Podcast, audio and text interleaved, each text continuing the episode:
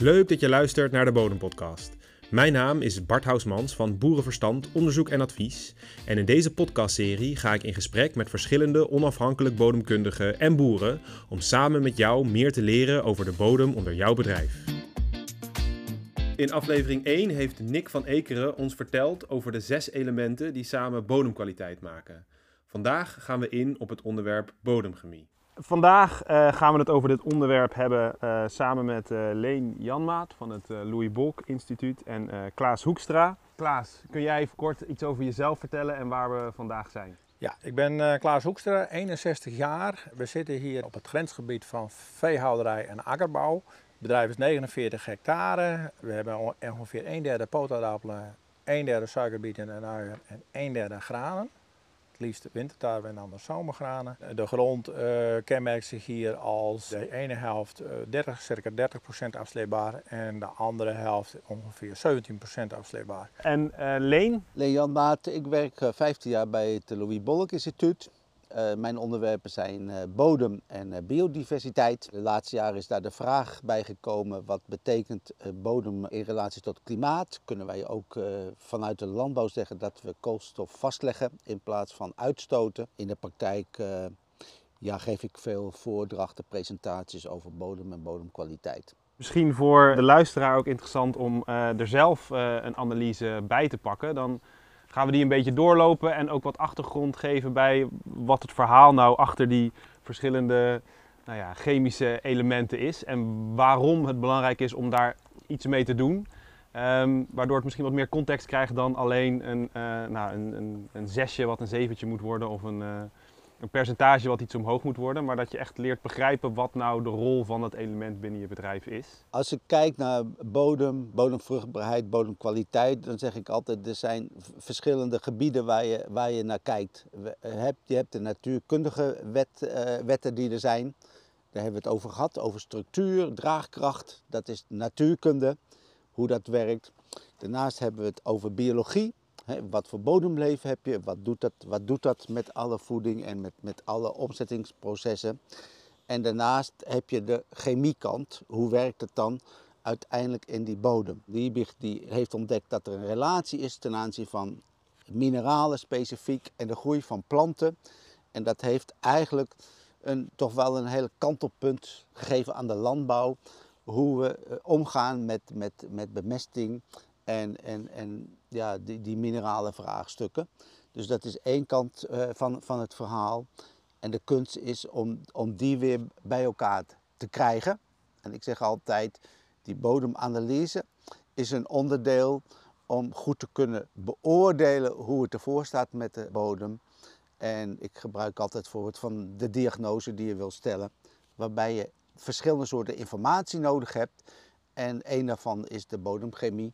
En die kun je dan ook meenemen in de plannen die je maakt. En dan met name de vertaling naar de bemestingskant. En dat is eigenlijk ook meteen de vraag die ik altijd heb. Wat doe jij nou met je bodemanalyses als jij die krijgt? Die bodemanalyses die uh, laat ik één keer in de vier jaar laat ik die maken. Ook nog wel wat uitgebreid, ook met sporenelementen. Kijk, die, die, die grond is nu in een bepaalde balanssituatie. Mijn aandachtspunten uh, zijn vooral van uh, nou, die slemgevoeligheid. Wat, wat kan ik daaraan gaan doen?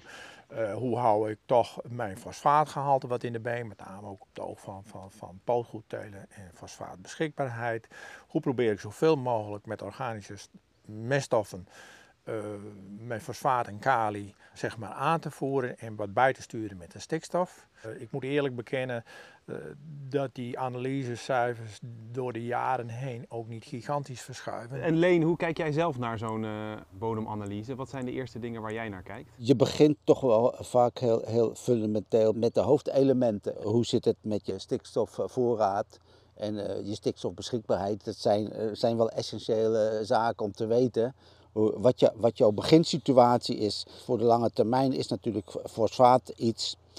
En eh, afhankelijk van je gewas heb je natuurlijk ook te kijken naar, naar, je kali. Uh, is, is die voldoende? Want dat bepaalt in grote mate de kwaliteit van je, van je product wat je oogst. Dus ik ben ook altijd geneigd om naar verhoudingen te kijken. CN-verhouding, nou, die zie ik hier uh, toch als laag staan.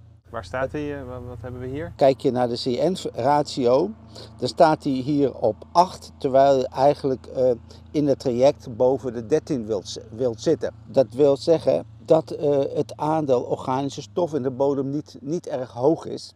Wat is er te doen aan die, aan die organische stofkant en die koolstofkant?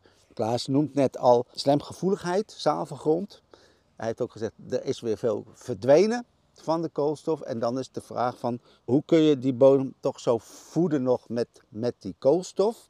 Zodat je die CN-verhouding eigenlijk eh, iets, iets kan opkrikken.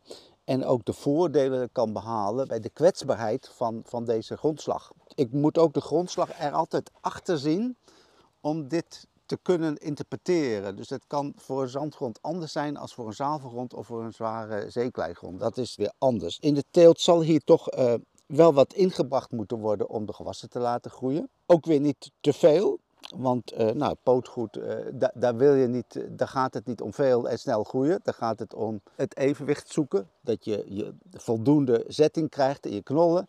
Dat je de knollen op het juiste moment als het oogst is ook de maat hebben die je wilt hebben. Dan kijk ik hier ook naar uh, de magnesiumbeschikbaarheid.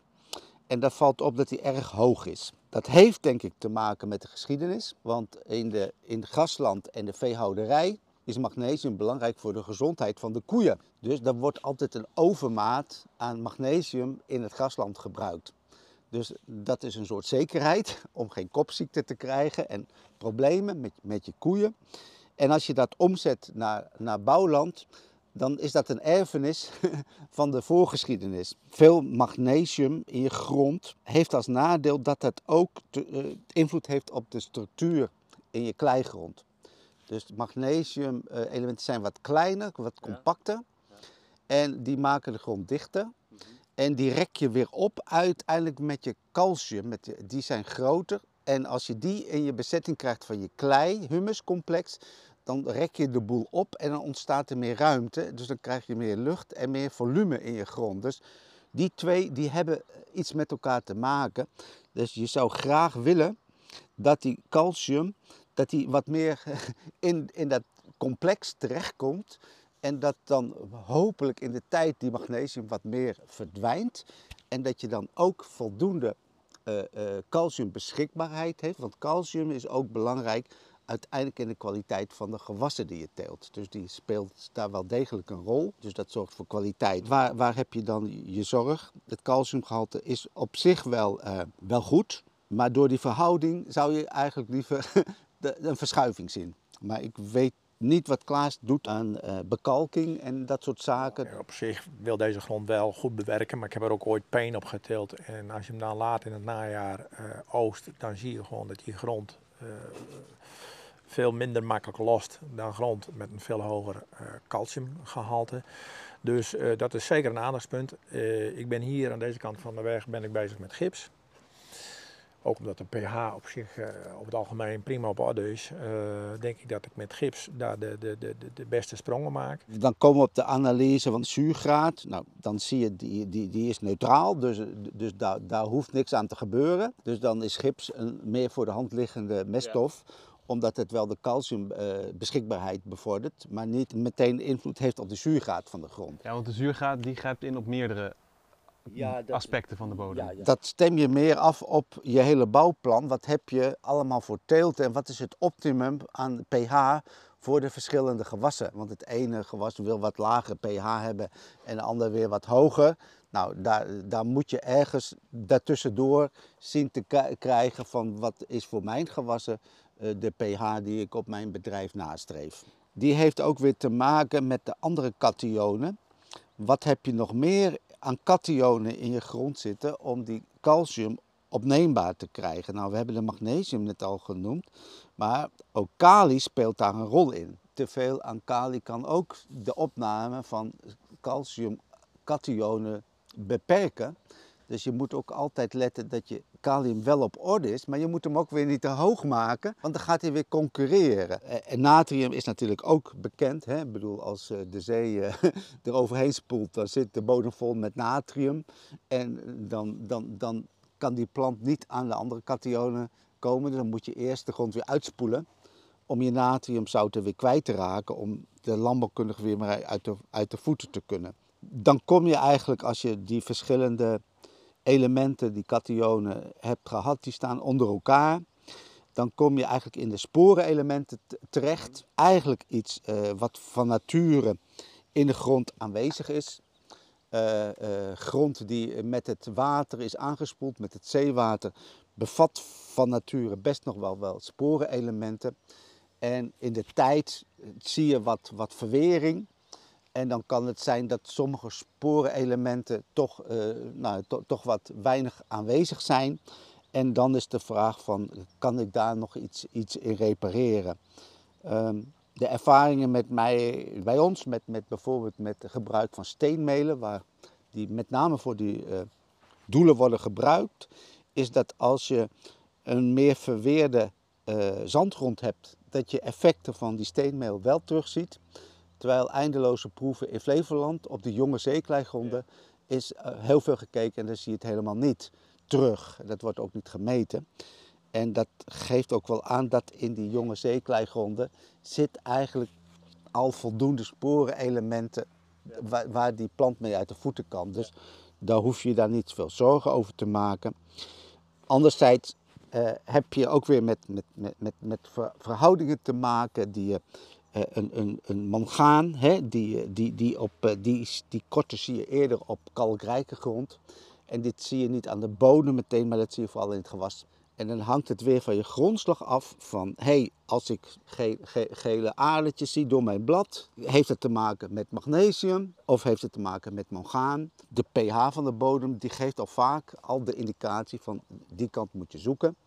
En om dat te herstellen, dan kan je eventueel met bladbemesting nog wat bijsturen. Zeker nu de maanconceptmiddelen verdwenen zijn. En nu zijn we toch wat regelmatig met, uh, met de uh, bespuiting en ook wat gaan eraan toevoegen. Zeker als het relatief droog is, dan wordt die beschikbaarheid natuurlijk helemaal een cruciaal punt. Het fotosyntheseproces is niet alleen afhankelijk van stikstof en andere elementen.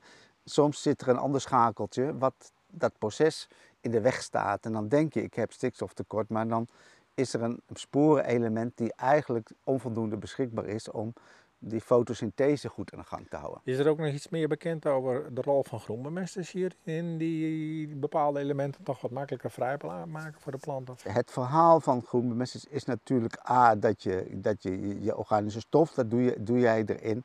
En de andere kant is natuurlijk dat je je exudaten, hè, die uitwisseling, dat is een belangrijk element van die groenbemesters en dat is ook een reden om, om die groeiduur te verlengen.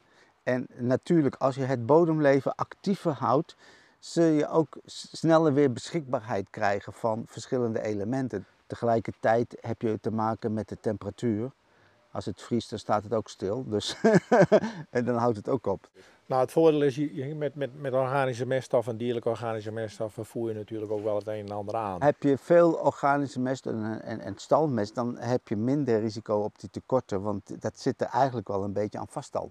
Misschien is het leuk om even te kijken en dan ook misschien even het gesprek te kijken van uh, in hoeverre is je bodemanalyse bepalend voor ja. wat je doet, in hoeverre is die bladanalyse nog een toevoeging om wat meer grip te krijgen op wat het gewas nodig heeft. Kijk, we krijgen meteen de, een beeld van de bewortelingen. Nou, de aantallen zijn, die heb je wel, zie je dat? Intensieve beworteling bovenin. Dat betekent dat ze inderdaad een beetje lui zijn gemaakt.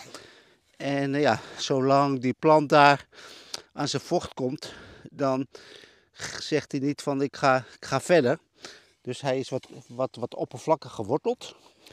Maar eh, jij hebt meer profielen kuil gegaan. Tot hoe diep gaat jouw beworteling? De wortels die denken allemaal dat het boven te halen valt. Dus we hebben heel weinig in dat fundament gestoken. Plus dat dat fundament ook niet ideaal was toen, die, toen het gemaakt moest worden. Omdat er toen heel veel regen is gevallen. Op langere termijn is dit dus eh, te voorkomen of te behelpen door echt te zorgen voor een goede structuur. Dat is het enige wat je kan doen. En voor de rest ben je toch afhankelijk van wanneer de regen valt. En...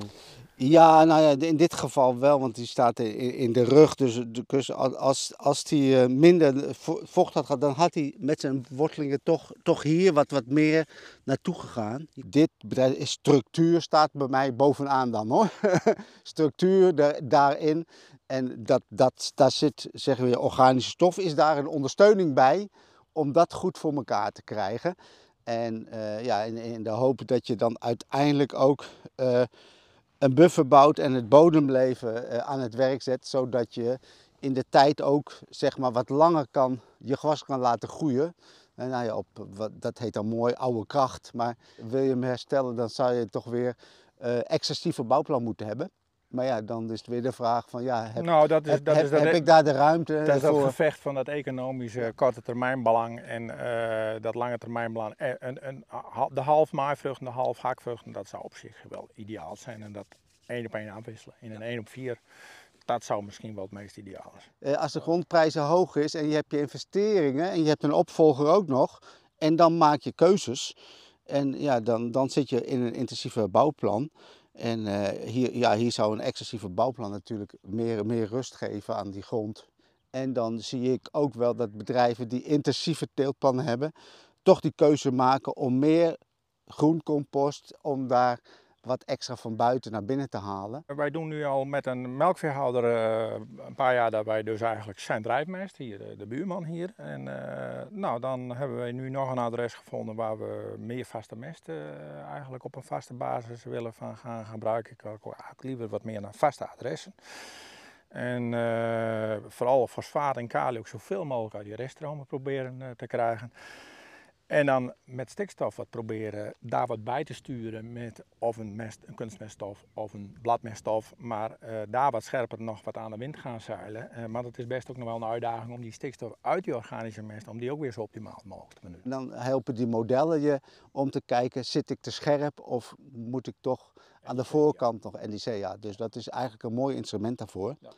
En ik noem altijd het koolstofverhaal van NDC een bijproduct. Want ik vind stikstof eigenlijk een nog veel belangrijker stuurwiel voor een akkerbouwer dan die koolstof. Dat is meer voor de lange termijn. Maar die stikstof, daar kun je echt wel wat mee doen. En die doet wel een voorspelling hoeveel je in het voorjaar er nog bij moet doen. Daarnaast heb je toch ook weer de hele praktische kant. Hè, wat jij zegt met je uien. Van wat is het moment dan om dat zaaibed goed te krijgen. Ja. En ik zie her en der in het veld ook wel de problemen met bodemplagen toenemen. En ik zag net toevallig een bericht uh, op uh, topbodem die echt in de wortel duizendpoot is terechtgekomen en heel veel schade heeft gehad. Alleen om die reden besluit hij om anders om te gaan met het inwerken van zijn. Dus dat zijn ook hele praktische zaken waar je op naar moet kijken. Dus het is net als, als, als het eten. Je kunt s ochtends een heel groot bord uh, ja. vol proppen. maar daar red je het niet van op de dag. Dus je, je moet toch je, je eetpatroon wat spreiden. Ja. En dan kijken van uh, hoe, hoe gaat het dan. En dat heb ik ook weer in de intensieve teelten geleerd. Er zijn, die tuinders die zijn meerdere keren per jaar compost aan het strooien. En dat doen ze niet voor niks. Want in het begin deden ze alles aan de voorkant. En dan zat dat bord veel te vol. En dan krijgt de bodemtemperatuur en dan, dan vliegt alles weg. Want ja, dat betekent CO2 uh, verdwijnen en die, die koolstof breekt af. Terwijl als je dat gaat spreiden, dan merk je van ja, dan geeft, dan geeft het toch weer een rustiger patroon in je, in je bemesting. Uh, dus, dus dat is ook een leerschool, hoe je het eetpatroon hebt, maar ook richting gewassen, hoe je dat verdeelt. Uh, als we het nou hebben over die groencompost, over wat voor hoeveelheden denk je dan alleen wat verstandig is? Zeker als je een bodem hebt die ook nog niet eens zoveel gewend is. Nou, dat ligt eraan ook de tijd van het jaar dat je het toedient. Hè? Nou, dus het najaar. Je, als je, ja, maar kijk, ik heb het liefst dat je, dat, dat, dat je die, die compost... Uh, is, is, ideaal bijvoorbeeld. Die zijn weg en dan, dan passen. Dus hoe eerder ruim het gewas, hoe beter het is om dat er te doen. En dan kun je wat hoger gaan zitten. Heb jij de mogelijkheid om op de goede momenten te strooien, want dat, dan hebben we het weer over bodemverdichting. Wanneer ga jij je land op? Als jij die hebt in jouw, in je teeltsysteem, in je opvolging, dan, dan kan je het verdelen. Maar als jij een moment hebt dat je denkt van het is een gunstig moment, dan kan je rustig tot 30 ton compost gaan. Want dan wordt die wel opgenomen in je systeem. Kan de, de bodem het behappen, letterlijk. En dat behapt het beter als de activiteit er is. In plaats van een koud nat voorjaar, dan, ja, dan weet je van, dan moet het allemaal nog op gang komen. Dus dan kun je beter rustig blijven. Kijken naar je gewassen is belangrijk. Hè, om nog even op het NKG en uien te komen. Wat je toch vaak ziet bij die NKG, die uien, Die beworteling, in het begin gaat die heel goed. En dan zie je die worteltjes in dat tweede laagje zie je weer eh, ombuigen. Dus dat, dat ombuigen wil zeggen dat hij die aansluiting met die tweede laag niet krijgt. En dat is een hele, een hele riskante. En dat zie ik regelmatig. En dan kom je op het verhaal van hoe dogmatisch moet je blijven. Of moet je toch niet iets dieper bewerken om die aansluiting en die ui door te laten groeien. dus dat blijft altijd zoeken van wat voor aardappels kan, hoeft niet voor uien te gelden of voor pijn. Dan, dat is altijd weer anders. Leuk dat je luisterde naar deze aflevering van de Bodempodcast. Enthousiast geworden en wil je nog meer podcasts beluisteren en verdieping bij het onderwerp? Ga dan naar www.mijnbodemconditie.nl/slash bodempodcast. Hier vind je naast de podcast van vandaag nog 17 andere bodempodcasts, inclusief achtergrondmaterialen.